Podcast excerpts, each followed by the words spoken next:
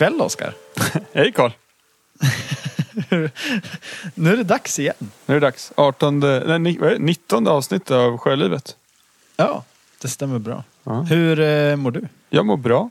Det har varit, eh, det har varit fantastisk vårvinter här uppe i Umeå. Jag har varit i inlandet och pimplat och tittat på snö som smälter och grillat korv och haft det bra. Ja, jag har ju sett lite bilder. Det har sett. Eh, det, det är lite annat från här nere i söder där jag befinner mig just nu. Ja, ja verkligen. Nej, här så här. Det är ju, eller, ja, vi var i Malå. Inåt landet, typ tre timmar. Eh, riktigt, riktigt fint. Idag hade vi över 15 grader här. Ja, det hade vi inte. Men ja, vi grävde en grop där vi satt i. Och där var det nog över 15 grader. Hur djup var det gropen? Ja, men alltså så att det inte blåste. Det var en halv meter. Vad skönt. Ja. Ändå. Riktigt gött. Och så vart ni varma av att gräva antar jag. Ja, det vart vi. Varmt och skönt. Men nu ska vi inte prata gropar och skog och mark och, och sånt. Utan vi ska prata Exakt. Eh, ja, alltså jag tycker vi kör igång direkt Oskar. Det gör vi.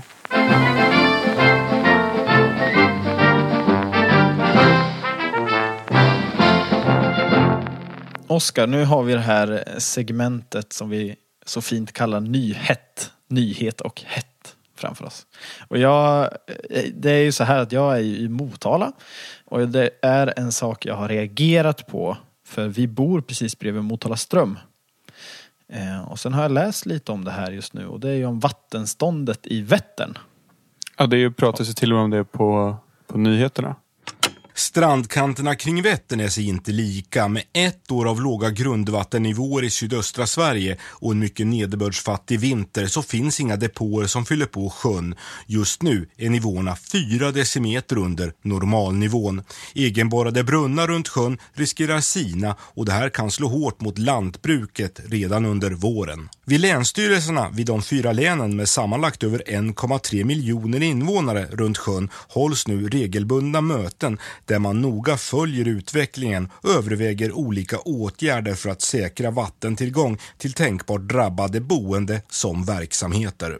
Och det här som jag, som jag nämnde så bor ju mina föräldrar har ju ett hus där vid Motala ström och vattnet är så pass lågt så vi har ju som en, eh, vad ska man säga, ja men som en stenmur ner till vattnet liksom. Och det är ju stenar i vattnet som ska hålla, alltså som är ja, egentligen är stadga för själva kanten, eller man ska, jag vet inte hur jag ska förklara det på ett annat sätt. Men de här stenarna ramlar ju ner mer och mer nu eftersom vattnet är så himla lågt. Är risk för markerosion. Exakt. Det märks väldigt tydligt här. Men jag, när jag kollar runt så det här då, på det här nu så um, kan ju det här bli stora problem. Alltså det har inte varit så här lågt sedan 1970-talet och innan dess typ på 30-talet. Det är inte jätteallvarligt problem här hemma hos oss utan det kanske är större problem för lantbruk och liksom andra verksamheter runt Vättern då. Som påverkas av det här. Och Alltså till exempel då, jag läste någon som hade 500 kor och sen sa han att de behöver 200 liter om dygnet per djur. Det tycker jag är, låter väldigt mycket. Kan det stämma Oskar, du som kan sånt där? Ja, jag, jag hörde också den här siffran. Jag, jag tyckte också lite mycket men eh, jag är ingen agronom. Får höra med en sån. Då får vi göra det. Om, om ni som lyssnar, om ni har korrekta siffror så hör av er. Det kanske är korrekt för det är ändå, jag läste det på Sveriges Radio så jag hoppas det. Eh, men då är det 500 kor som behöver 200 liter. Det är liksom, vad är det? 10 000 liter totalt kanske? Nej, Nej. vad säger jag nu? 100 000 liter, förlåt. Gång tid. Ja, 100 000 liter. Det är, ju- alltså, det är inte så att du åker med en lastbil hur lätt som helst. Nej, och om det är så att man behöver frakta med lastbil då blir det ytterligare koldioxidutsläpp och eh, ja, alltså det vattnet ska hämta någonstans ifrån det också. För att det, det, det som jag har förstått att problemet bottnar i det är ju minskad nederbörd. Eh, vilket gör att man har också lägre grundvattenstånd. Det har vi pratat om tidigare i podden att det är risk för eh, ja, alltså torka och ja, alltså det blir vattenransonering nästan på sina håll. håll. Ja, och brunnar, alltså handgrävna brunnar har ju inget vatten i sig då och så vidare. Eh, och det är ändå 1,3 miljoner invånare som bor runt Vättern. Så att det är ju ändå, eh, det berör väldigt många.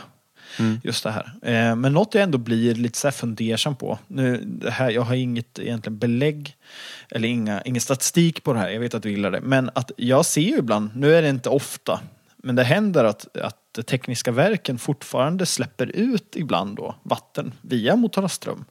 Vilket jag tycker känns väldigt konstigt när det är så pass lite. Jag förstår inte riktigt varför de måste släppa ut. Det kanske beror på att de har ju Borensjön och så vidare. Och så vidare. Att det är liksom flera sjöar därefter. Men Ja, det här kan jag ingenting om. Det här får vi läsa på. Det är spännande. Vi, vi kan kolla på det här, Carl. Ska vi Ja, det gör vi. Men då, då vet vi det. Och jag har förstått att det inte bara är Vättern. Men eh, så är det i alla fall. All time low kan vi säga sommaren 2017. Och det kan bli värre. Så vi får hålla tummarna på att det regnar som fan nu. Även fast man njuter av solen och vill Ja. att det ska... ja, du förstår vad jag menar. Vi Jajamän. går vidare.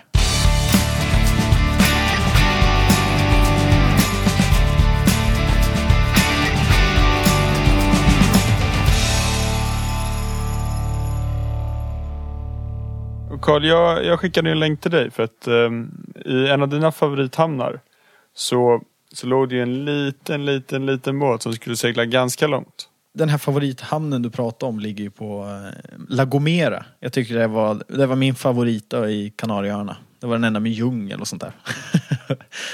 ja, den var väldigt, väldigt fin. Men den du pratar om, alltså den där båten ser ju inte... Vad är det han ska göra om vi börjar där? Det är en kille som ska göra vad då? Han ska segla över Atlanten. I vad då för båt? Ja, alltså båt är ju när man är snäppet under badkar på båt. Alltså det är bara som en liten... eh, Alltså jag vet inte, en metalltank. Alltså, alltså ja, verkligen. Med eh, liksom en sån här glas, som en fiskskål uppe på där han skickar ut huvudet och tittar. Ja men den ser helt bisarr ut. Sven Yrvinds farkoster framstår ju som eh, lyxjakter jämfört med den här lådan. Verkligen. Och nu när vi, samtidigt som vi pratar den här, om ni är nyfikna, så kan ni gå in på sjölivet.se. Där så har vi lagt upp en bild på den här nu så ni kan lyssna. Men då är det alltså, han ska ju alltså slå något rekord om jag har förstått det rätt. Att han ska bli minsta seglande farkost över Atlanten. Ja, jag tror att den är ja, en dryg meter. Jag tror den är typ 1, ja, så ett par centimeter till. Han kan ju inte ligga ner i den. Utan han, han kommer ju kunna sitta upp och halvligga endast. Han räknar att det kommer ta två till tre månader att ta sig över Atlanten. Alltså och två till tre månader utan att ligga ner. Alltså det Känns kan inte- få problem i kropp och själ. Jag förstår inte ens hur man kommer på en sån här idé. Eh, ja, lite, det, är, alltså det är bara en aluminiumlåda liksom. Ja, han kommer ju driva över med vind och vågor. Och sen, Men hur gör man med mat och sådär? ja precis, för då, då handlar med sig, frystorkad mat är ju kanon. Det tar inte så mycket plats och inte så tungt. Han har med sig då frystorkat, eh, två burkar Nutella, tre liter olivolja och sen så ska han fiska lite. Eh, sen har han en water, eller jag tror han har två watermakers till och med. Vä- Vänta, vänta, vänta. Om vi pausar där. Jag hörde två burkar Nutella, sa du det? Ja, men det, man måste väl ha lite godis liksom. Något så som... Alltså det kan Men- vara mörkt och Men är det att ensamt. det innehåller något slags så här nötprotein? Socker Nej. och choklad och är gott. Alltså jag tror att det är mer det här vitamin K som jag pratat om. Att det är Men bara fan, två, t- Men två burkar kärlek. Nutella kan man ju äta på en kväll typ. Ja, jag vet inte om det är stora eller Nej. små burkar. Men vad sa du? Han hade i alla fall en watermaker. Ja, Två stycken som är handdrivna. Så han kan pumpa vatten med dem då och göra saltvatten till dricksvattnet. Eh, Men han har också med sig 150 liter extra vatten. Utifall att någon av de här skulle, eller båda skulle sluta fungera. Mm. Det låter smart. Ja. Och man kan läsa om det. Eh. Ja, precis. Vi, vi kommer lägga upp lite mer grejer på sjölivet.se och försöka posta lite i våra sociala medier också. För det här är ju ett... Ah, det här är ett av de eh, märkligare rekorden jag har hört om på länge. Vi kommer lägga upp bilder, ni kommer se hur den här båten ser ut. Om man, om man vill läsa mer redan nu så kan ni gå in på littleboatproject.org.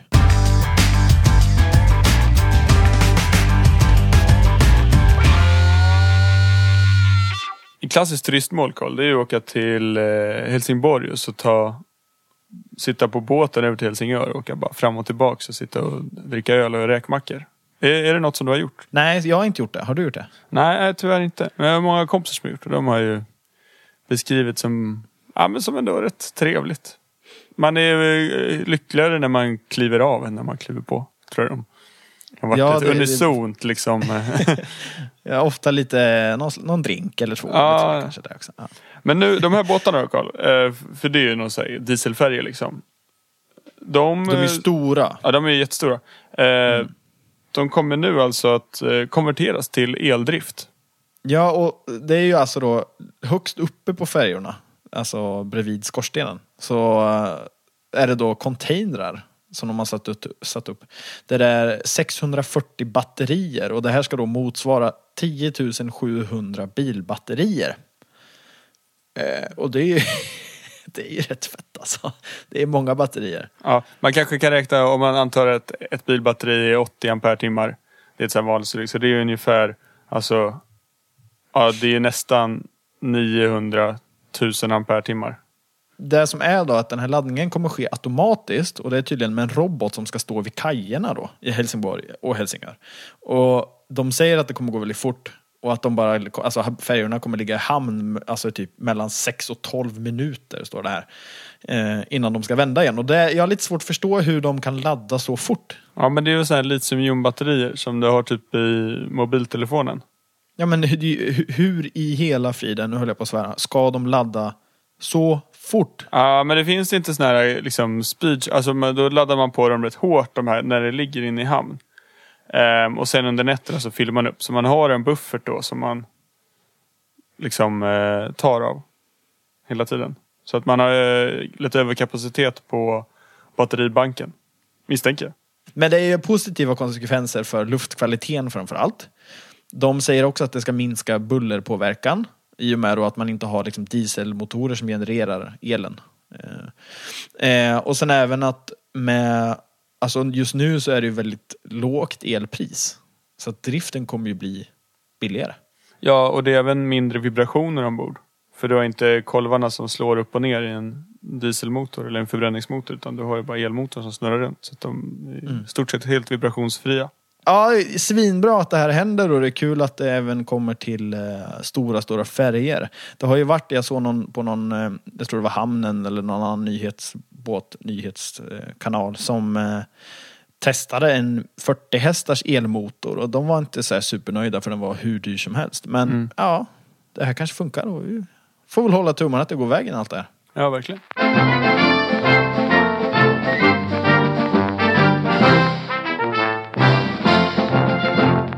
Ja, Karl, och även det här avsnittet är vi sponsrade av eh, Moringo.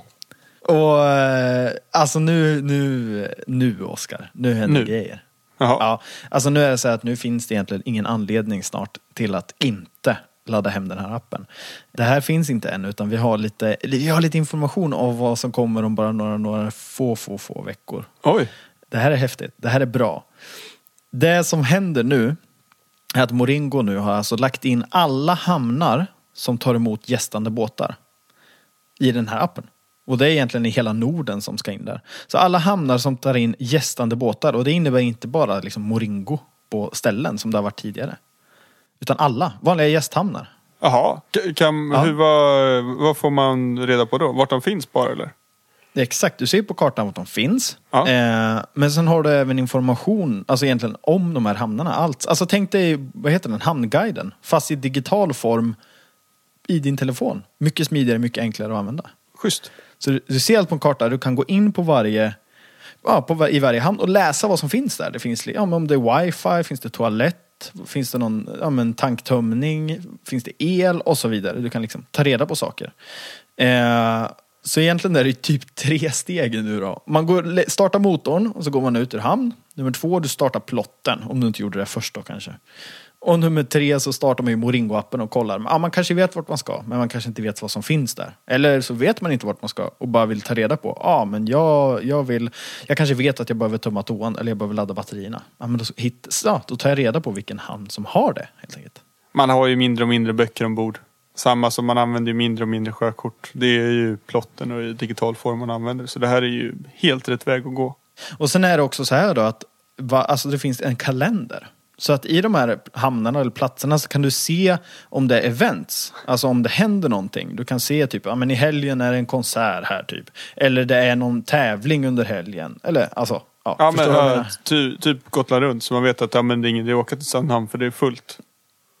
ja just det, eller om man vill dit kanske. Ja, ja ut och kalasa där. Man kan ju för sig ana då att det kommer vara väldigt mycket båtar så väldigt kanske man ska vara i tid. ja, Långt före, ja. Eller så skiter man i det och åker till någon annan hamn. Ja. Så eh, ja, nu finns det ingen anledning till att inte ladda hem Moringo-appen. Så gör det. Moringo, M-O-O Ringo. Tack Moringo.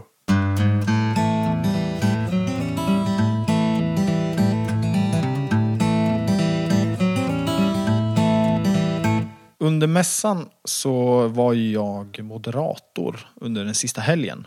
Det var på några föreläsningar som var under Vildmarksmässan, för den gick ju samtidigt som båtmässan. Eh, och där var det två stycken grabbar som heter eh, Sören och Glenn.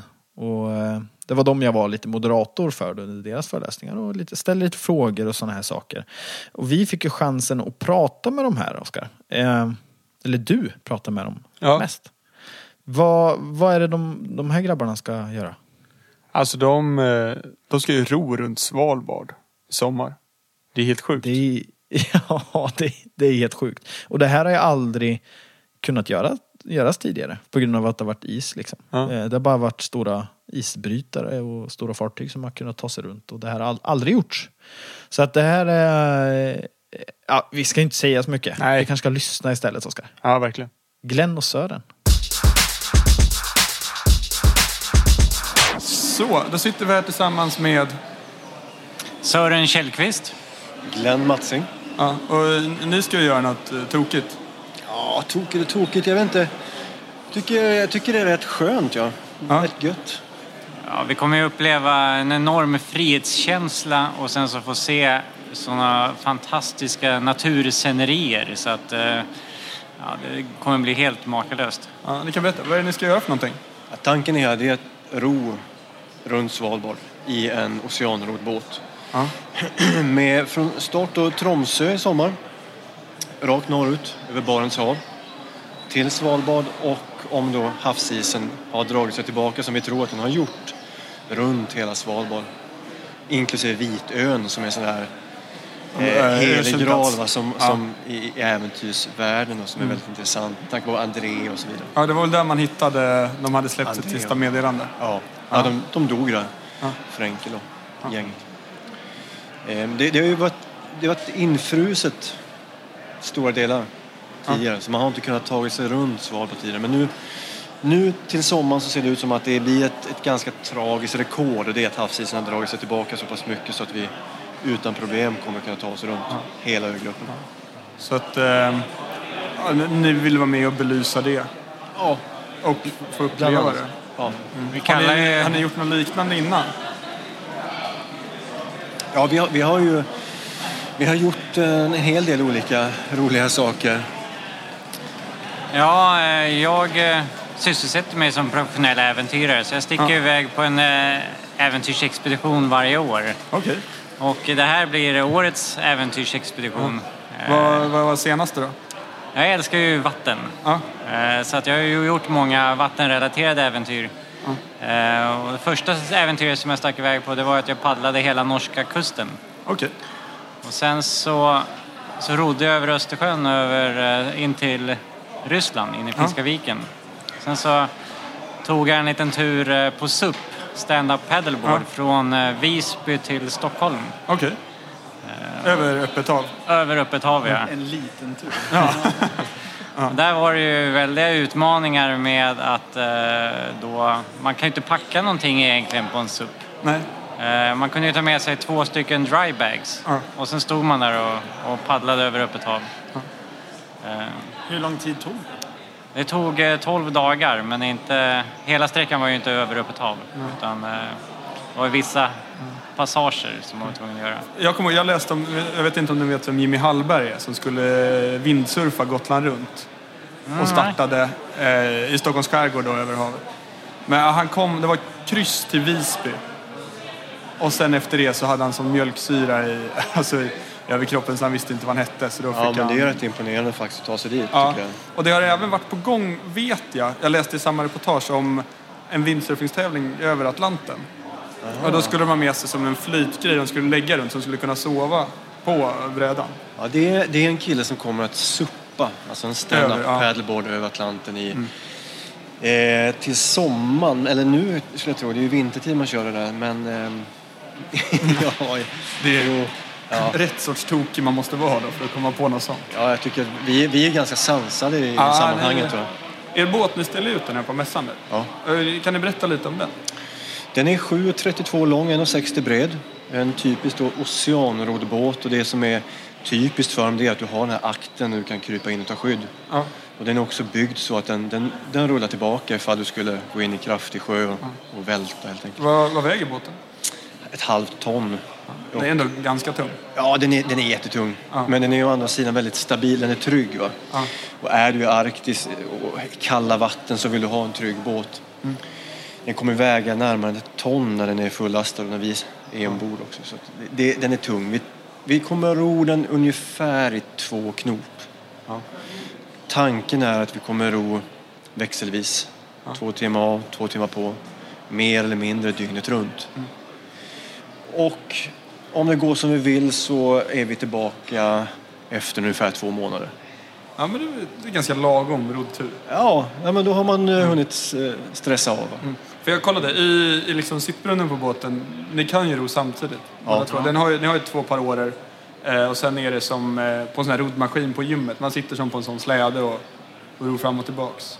Och det ser ju ändå ganska bekvämt ut att sitta där. Ja, det är... alltså, efter ett tag så, så börjar det skava. va? Ja. det gör det. Men det är framförallt tror jag att man...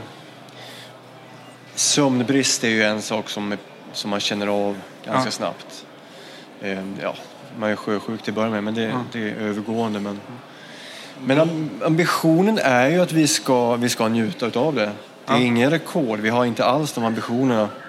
Även att det, det är ingen som har gjort det tidigare, men det är inte så intressant för oss. Utan Nej.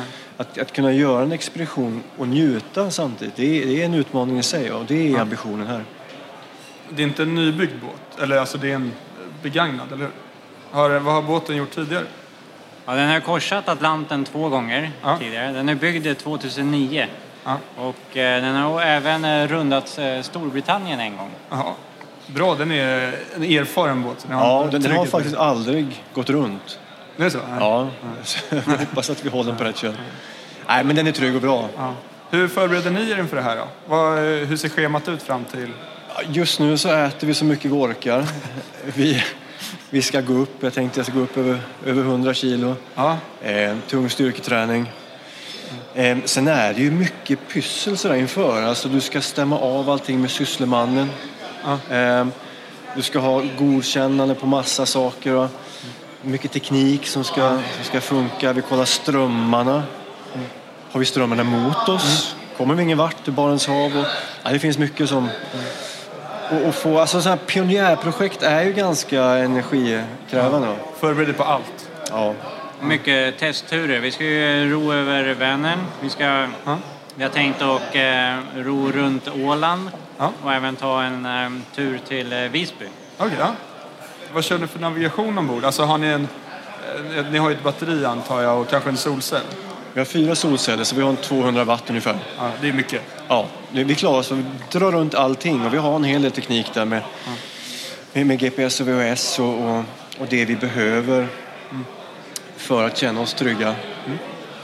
Ehm, och eh, vi har en watermaker Ja. så vi, och även en manuell sådan. Okej, ja.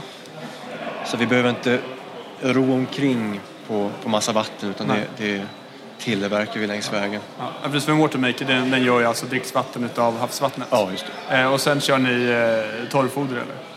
Torrfoder och mjukkonserver som man, Ah. man stoppar, man häller lite vatten i en påse och den, i påsen så ligger en liten servett ser det ut som, men blir varm och sen med, efter 15 minuter så är det varm och klar mat. Ja, det är nog rätt skönt att få något varmt i magen Ja, vi efter. vill ju lägga all kraft på att, på att ro. Ja. Så, och sen, ro och sova, äta, ro och sova, äta. Eh, För jag tittade in liksom i, i sovutrymmet. Det ser ändå bekvämt ut. Om man kollar utifrån så tänker man att det ska vara riktigt trångt. Men alltså jag har ju varit i tält som är sämre. Det ser ut som en förpiken på vilken 70-talssegelbåt som helst. Så, klart över förväntan. Ja, Både jag och Glenn är ju erfarna paddlare och vi är ju vana att eh, inte ha så mycket utrymme. Nej. Så att eh, det här är ju en, eh, en lyxig tillvaro för oss. Kan vif- se benen hela tiden och vifta på dem. När man börjar paddla kajak så tycker man herregud, alltså, Då kan man ju ta med sig en flaska vin för då har man tidigare man fjällvandrat och tyckte att då måste man spara på allting. Sen, sen börjar man paddla och tycker man det är fantastiskt. Sen nu då, jag har ju, vi skulle kunna leva på den där i nästan ett halvår. Den är Ja. så stor. Ska ni fiska på vägen och sånt också? Eller? Tanken är att vi ska fiska ganska mycket eftersom vi, vi har ju med oss eh, mjukkonserver och, Mm. och frystorkat. Men, men man kommer ju till slut så kommer man ju tröttna på det också. Ja. Och, och färsk fisk, eh, skära ut de här fina fiskfiléerna och sen så steka det lite olivolja, eh, hälla på lite citronpeppar och så vira in de här fina fiskfiléerna i lite eh, tacobröd. Ja. Kommer det smaka himmelskt. Alltså, det är ju lyxig mat nästan när man är hemma. Precis. Då får det sådär. Och fisket där uppe kommer ju också vara fantastiskt. Eh, Så Ja. vi har ju med oss riktiga havsfiskeutrustning och dra stora torskar och sej och, och har vi tur så kommer vi även få hälleflundra. Men eh, hur träffades eh, ni två då? Jag drev tidigare en tidning som heter Outside som handlar om äventyr och expeditioner. Ja. Och Sören är ju ett, ett givet ämne att skriva om. Så det var, det var så tror jag vi kom i kontakt från början. Sen den här idén om att ro då, den, den dök jag på. eh, För jag blev uppringd av en, en tävling som tyckte vi skulle skriva om en, en, en roddtävling som gick över Atlanten. Ja. Så då började jag titta på det där och tyckte att det som, som många andra Fan, kan man ro över Atlanten? Så då började jag titta på det och se att det är konceptbåtar. Ja, det går faktiskt. Ja. De har den här tekniken, så här gör man. Och, och det där gick jag sög lite grann på. Sen tyckte jag att när jag fick mer tid att nu är, nu är det dags. Och då är frågan, vem, vem ska man ringa som är just det där lagom Tokig. tokig som ni sa då? Med lugn tänkte jag säga. Framförallt. Eh, då, så då, då började vi snacka om det här. Och jag nappar ju direkt. Ja. Något sugen. Men vi ändrade, vi, vi släppte Atlanten. Och sen Ja. tittade vi norrut istället. Är alltså det, ingen- det fanns ingen- en plan att eh, ro över först? Ja, alltså jag, jag, hade, jag funderade på Atlanten men, men jag var faktiskt i kontakt med Sven Yrvind om det där också. Han tyckte att nej, du ska inte... Du vet att det är så många som är emot Atlanten tyckte han. Du ska titta på något annat. Eh, och så började vi diskutera här, Sören och jag. Vi har pratat om Nordostpassagen och Västpassagen och allt möjligt. Ja.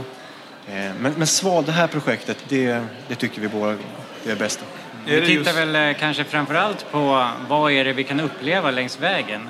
Ror man över ett hav, då är det ju hav. Ja. Eh, ror man runt Svalbard, då är det ju isbjörnar, det är ju valrossar, det är ju valar, det är isberg, det är glaciärer, det är liksom... Och sen så är det ett exploderande fågelliv där uppe under sommaren. Så att eh, det, det kommer ge så fantastiska upplevelser och jag tror det är mycket det som lockar där. Ja, precis, för det är också en fråga. Liksom. Hur kommer man på det här då? Det är ganska lätt att härmas och bara ja, men, segla över Atlant- eller ro över Atlanten. Det är, det är häftigt, men folk har gjort det förut. Men att sen komma på något helt nytt, det är ju... Ja, men, men Arktis, det, det har vi båda ganska eh, stort intresse av. Jag, jag startade paddlingsresor till Grönland 2006. Okej. De resorna har Sören nu tagit över. Så vi har erfarenhet och vi har intresse av Arktis. Och Arktis är, tycker jag är, är gravt underskattat. Det är otroligt häftiga upplevelser du kan få. Mm. Eh, Den här känslan av att vara, vara i gigantiska vildmarker.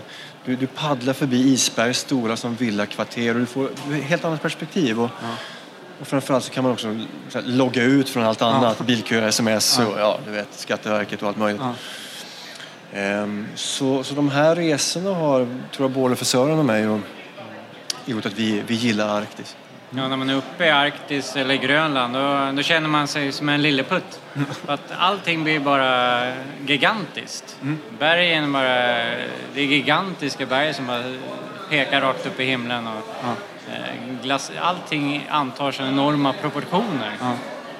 Och jag tänker att det blir ballt också för att man sitter ju väldigt nära, den är ju väldigt låg tyngdpunkt båten. Så Ja. ni hamnar ju väldigt nära ytan så man Ja. får ju väldigt perspektiv på att saker är stort. Det blir... Ja, speciellt när man försvinner ner i, i, i vågdalar och sådär Ja. också. Så, så, ja. Ja, vi pratade innan här om det, det pedagogiska projektet med, med expeditionen. Ja. Eh, Och det, det tycker jag är en... Under tiden med, med tidningen så kom frågan ofta upp så här, vad, vilken roll har äventyraren idag? Mm. Och då, som man går tillbaka i historien så är det att äventyraren var någon slags vetenskapsman. Han var i, i också forskare från början. Ja, men och sen har det varit lite, det har luckrats upp kan väl säga. Sen har det blivit mer av egotripp kanske om vi ska vara ärliga. Mm. Medan jag tycker att att det finns en given plats. Äventyren behöver inte stå och vela längre utan jag tycker att äventyren i framtiden ska vara den här fältmässiga läraren som är ute där i de här områdena som vi pratar om i debatten, som Arktis, polarområdena, men som ingen har varit i.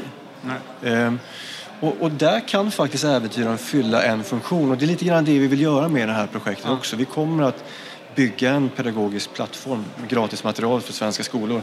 Ja. Och, och, tanken är att man ska kunna hämta hem intressanta filmer och, och bilder. Och om vi nu lyckas också virtual reality-projekt kring detta. Okej, ja. ja, för oftast är det ju så att när man eh, belyser miljöproblem så pratar man dem bara om just om det. Det är nästan ingen som har varit där. Man får bara höra, man får se kanske lite rapporter och att det, det blir ganska, det blir mycket data. Men att det sällan blir ja, men då någon som är där och får uppleva berättelser. Ja, men Ja, precis. det, det blir ett fruktansvärt bra hjälpmedel. Här finns det en möjlighet att eh, visualisera det här i realtid. Ja, Bara det, det är ju rätt häftigt. just det. Eh, med, med isen så pratar vi labyrinter. Har ni, får ni någon isdata kontinuerligt eller satellitbilder eller liknande? Ja, det, det finns ganska mycket sån information att hämta Ja. gratis idag. Ja. Och det kommer ni använda er av det för att... Ja, det kommer vi göra. Men vi har, vi har kommit på en annan grej nu. Alltså det här med drönare utvecklas ju så mycket. Det är ju, det är ju stendött i Sverige med de nya Ja, reglerna. Men, men vi, Sören har precis köpt en, en ny sån här och den har en räckvidd på 7 kilometer. Ja, det är bra. Så då kan vi flyga upp och flyga iväg och se hur ser det ut dit vi ska. Blir vi instängda eller ska vi gå det? längre norrut? Eller, så kan vi få en överblick. Är det en eh, deltaving eller är det en sån kvadrokopter? En kvadrokopter. Ja. Men eh, min, eh, ja, det som jag tror i sommar, det är att eh, i sommar så kommer eh, Arktis slå alla tidigare rekord. Och eh, jag tvivlar faktiskt på att vi kommer ha några som helst problem att ta oss igenom där. Jag tror att det kommer vara helt öppet. Tyvärr. Ja, Tyvärr. ja. Tyvärr blir det inga det ser problem. ut som nu. Ja. Vi brukar ha ett återkommande segment i den här podden som heter Veckans plats. Eh, Och då brukar folk få rekommendera specifika platser eller kanske tider på året eller liknande. Att så här, det här är det som jag verkligen ser fram emot på vinterhalvåret, kanske få komma ut. Eller på sommaren, att få ut och åka skridskor till det här stället. Har ni några ställen som ni vill rekommendera? Ja. ja, det finns många. Så min min uppgift då med tidningen, jag var ju chefredaktör för den, det var just att hitta sådana här. Ja.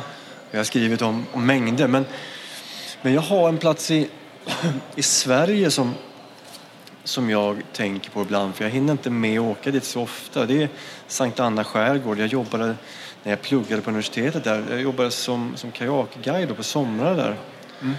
Eh, ute till Harstena bland annat och, och Kupa Klint. Och, perfekt skärgård om man då är, tar sig fram med små farkoster som kajak eller roddbåt. Då kommer man in överallt. Ja. Underbar. Du Sören, har du något ställe som du... Ja, när jag paddlade norska kusten så fick man ju se hela norska kusten givetvis. Ja. Och det fanns ju ett område som var helt spektakulärt. Man, man tappade ju andan när man kom dit. Och det var ju eh, eh, Helgelandskusten ända upp till eh, Lofoten. Okej. Så man kan säga hela sträckan mellan eh, Bodö upp till norrut. och norrut.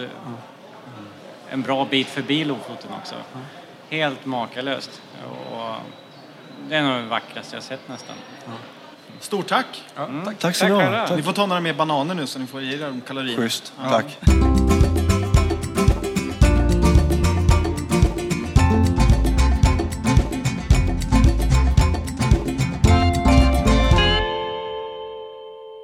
Ja, vi pratade lite om eh, de här två fartygen då i eh, Tycho Bra och Aurora som ska bytas ut till eldrift istället för dieseldrift. Eh, men det händer ju även grejer, alltså som är en superpositiv grej för miljön. Eh, men det händer ju även grejer i, i Stockholms skärgård och våra insjöar. I 2019 så ska alla båtar vara sanerade från, eh, från giftiga färger. Och det här innebär alltså att eh, alla fritidsbåtar kommer behöva ta bort all bottenfärg och sen bygga upp dem med, med ny icke-giftig färg. Så att man får bort all bly, zink och ja, kanske tenn till och med om man har riktigt gammal färg. Är det här i hela Sverige? Ja, som det ser ut nu i alla fall så är det i Stockholms län ehm, som det gäller för. Eh, och sen, och det är alltid, det kommer, dyker upp alltid upp frågor. Bara, "Jaha, men jag har min båt i Västervik men eh, seglar mest i Stockholms skärgård. Gäller det mig då? Och det, jag har inte lyckats läsa mig till det men jag tror inte att det gäller. För att eh, Det kommer ske mätningar runt om i Stockholm på ett antal båtar där man kommer mäta då halter utav biocider. Ehm, och sen kommer även då de här hamnarna eller, och marinerna att kunna söka bidrag för sanering. Av båtar. Okej. Eh, så att, eh, jag tror att det är Stockholms län som det gäller för än så länge. Ja men det är också sådär för att då, då gör ju en ja, eller kommun eller en del av landet eh, gör ju en sån här grej då för miljöns skull och förhoppningsvis så hänger alla andra på därefter. Mm. Ja, ja precis. Och eh, jag har ju stått och sålt ganska mycket bottenfärg i mina dagar. Och Ja, du kan ju det där. Du, du är ju kungen på bottenfärger. Ja, man, man har rotat igenom eh, en del. Och folk är alltid osäkra på vad har jag, vad får jag ha, vad bör man ha, vilken är bäst? Och det, det är alltid skitsvårt att säga vilken är bäst för att det varierar, alltså hur mycket det växer beroende på vart man ligger och hur mycket man använder båten. Och sådär. Och några, det finns ju alltid de här tjommarna som tycker att jag ska ha västkustfärg. Även fast man kanske inte alls pratar göteborgska och, och så ligger man på östkusten eller ännu värre, man kanske ligger i en insjö. Nej, för de som inte har koll Oskar, alltså för, som du nämnde nu, västkustfärg. Då, för på västkusten är andra regler. Där får man ha mer gifter än i insjöar och i, på östkusten, eller hur? Ja, precis. Det är högre halter av koppar tillåtet. Men till exempel i insjön så är inte koppar... Alltså, det är inte ett... det- Det gör inte så mycket där. då. Typ i, alltså, hos er Karl så växer det inte så mycket alls på båtar. Nej. Nej, verkligen inte. Samma i, typ i Mälaren, det blir något slem där så behöver man typ tvätta. Så det är effektivast med bara en hård, sån här hal färg som är bara lätt att tvätta rent. Ute i Östersjön då så, så är det viktigt att köra båten. Så då kommer ju återigen den här appen som vi har pratat om som heter eh, havstulpaner.se. Eh, så att man just då tvättar i rätt tid och tvättar den inte så jobbigt att tvätta. Och så ut och åka med båten. Men eh, den här saneringen av båten man gör. Det är antingen så eh, lägger man presenningar under båten och så skrapar man med en vanlig färgskrapa. Och då brukar man få bort rätt mycket. Och sen får man ta med eh, man kan lösa, det finns som olika så här, paint stripper och paint remover heter de. Som är som en gel typ man penslar på och låter ligga och så löser det upp färgen och så skrapar man ner det. Och den processen är rätt bra för då skapar man stora sjok utav den här giftiga färgen. Så det, den är lätt att ta reda på. Men om man, när man börjar slipa och för, kanske framförallt blästra. Eh, då är det, Då, då sprids det som tusan va? Ja, och, och, och så får du ner partiklar, alltså storleken. Tänk dig om du skrapar liksom en, med, med en vanlig färgskrapa. Då får du ner liksom en, en stor ett sjok av färg. Men om du blästrar då får du, de blir så supersmå partiklarna. Och det som gör att gifterna sprids i naturen det är reaktionsytan på de här ja, på färgsjoken som innehåller då giftet. Så att när du får de här små, små, små partiklarna då får du en superstor reaktionsyta. Så då kanske du släpper ut mer än ja, om du bara hade haft kvar det där. Då. Så att, Alltså det som jag tycker man ska göra, det är lägg presenning under båten, skrapa ner färgen så att det landar på presenningen och då kan du ta hand om det och lämna det på en ja, eh, miljöstation. Mm. Och vad ska jag använda för färg nu när jag skrapat rent allt det här nu då? Vad ska jag ha? Och det där, en, en hård, hal färg. Ja, för alltså, det är också så här, nu tänker jag spontant, att när man badar ju ändå under sommaren hela tiden. Ja. För oss som gillar att bada i alla fall så är, är det en bra idé och egentligen väldigt, väldigt enkelt och smidigt att man har liksom en borste som du bara skrubbar lite lätt. Ja, ofta gärna. För att ju oftare du gör det ju mindre jobbigt blir det. Då hinner det inte fastna liksom. Nej, Så precis. bara borsta av så mycket du kan när du badar. Liksom. Ja. ja, och vad heter det, alltså använd båten. Det är också jätte, jätteviktigt. Mm. Står den still så fastnar den mer. Ja. Och de, färgerna som man sen ska välja det är ju hårda, hala färger. Det är de som är effektivast. Med, med de här nya reglerna som kommer komma. Och det är först 2019. Och det man börjar göra det är att man börjar skrapa på, på hösten när man tar upp båten. För, och så skrapar man det så långt som möjligt för att få båten stå under vintertid och torka ut. För det sitter fukt, alltså även i plastbåtar, det, det suger fukt. För det står torka och sen på våren så målar man på ny färg igen. Och så blir det inte lika mycket jobb för det är en hel del jobb att skrapa. Och det är också en hel del jobb att måla. Så att man inte lägger liksom för mycket jobb. Så se till att få det här grundjobbet gjort nu och ta bort färgen du har och lägg på en, en blank. Helt enkelt. Ja.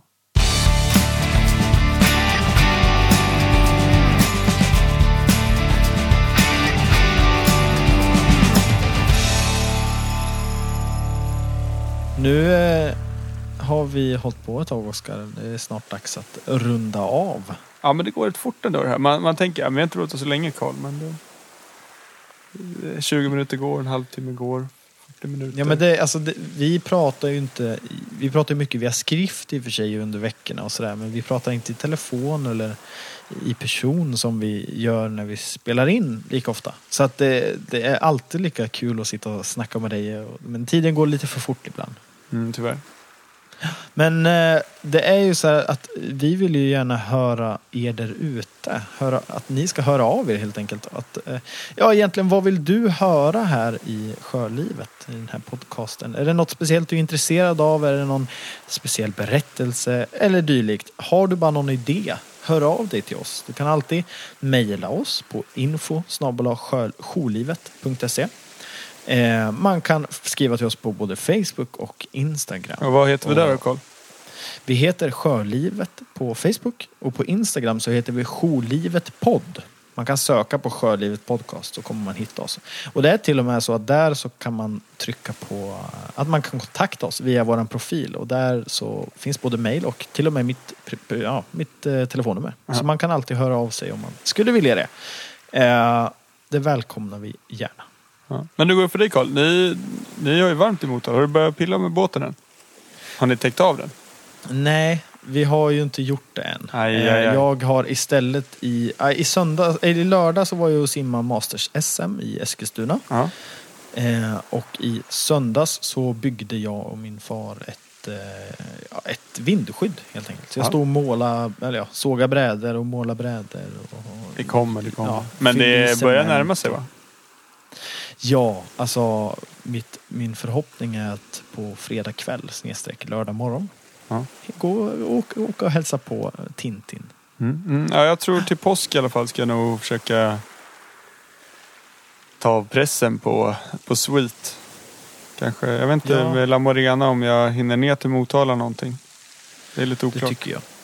Det tycker jag du ska försöka i alla fall. Ja. Men eh, jag vet att du har mycket och, och jag med. Och, men eh, det är ju sådana här dagar som det har varit, i alla fall idag här i Östergötland så har det varit väldigt, väldigt varmt. 15 till 19 grader tror jag var som mest. Eh, så det var ju eh, helt sjukt och folk åkte longboard i t-shirt och sådär. Då vart man väldigt sugen på att eh, åka till båten. Men jag satt ju på kontoret så jag var bara ute. Ja. Ja, under lunchen. Ja, jag hade uppknäppt vinterjacka och tyckte att det var rätt fett. Ja men snart, snart, snart så eh, är vi i sjön, Oskar. ja, men det är vi Karl. Men du eh, Karl, vi hörs och syns. Ja, det gör vi. Hej då!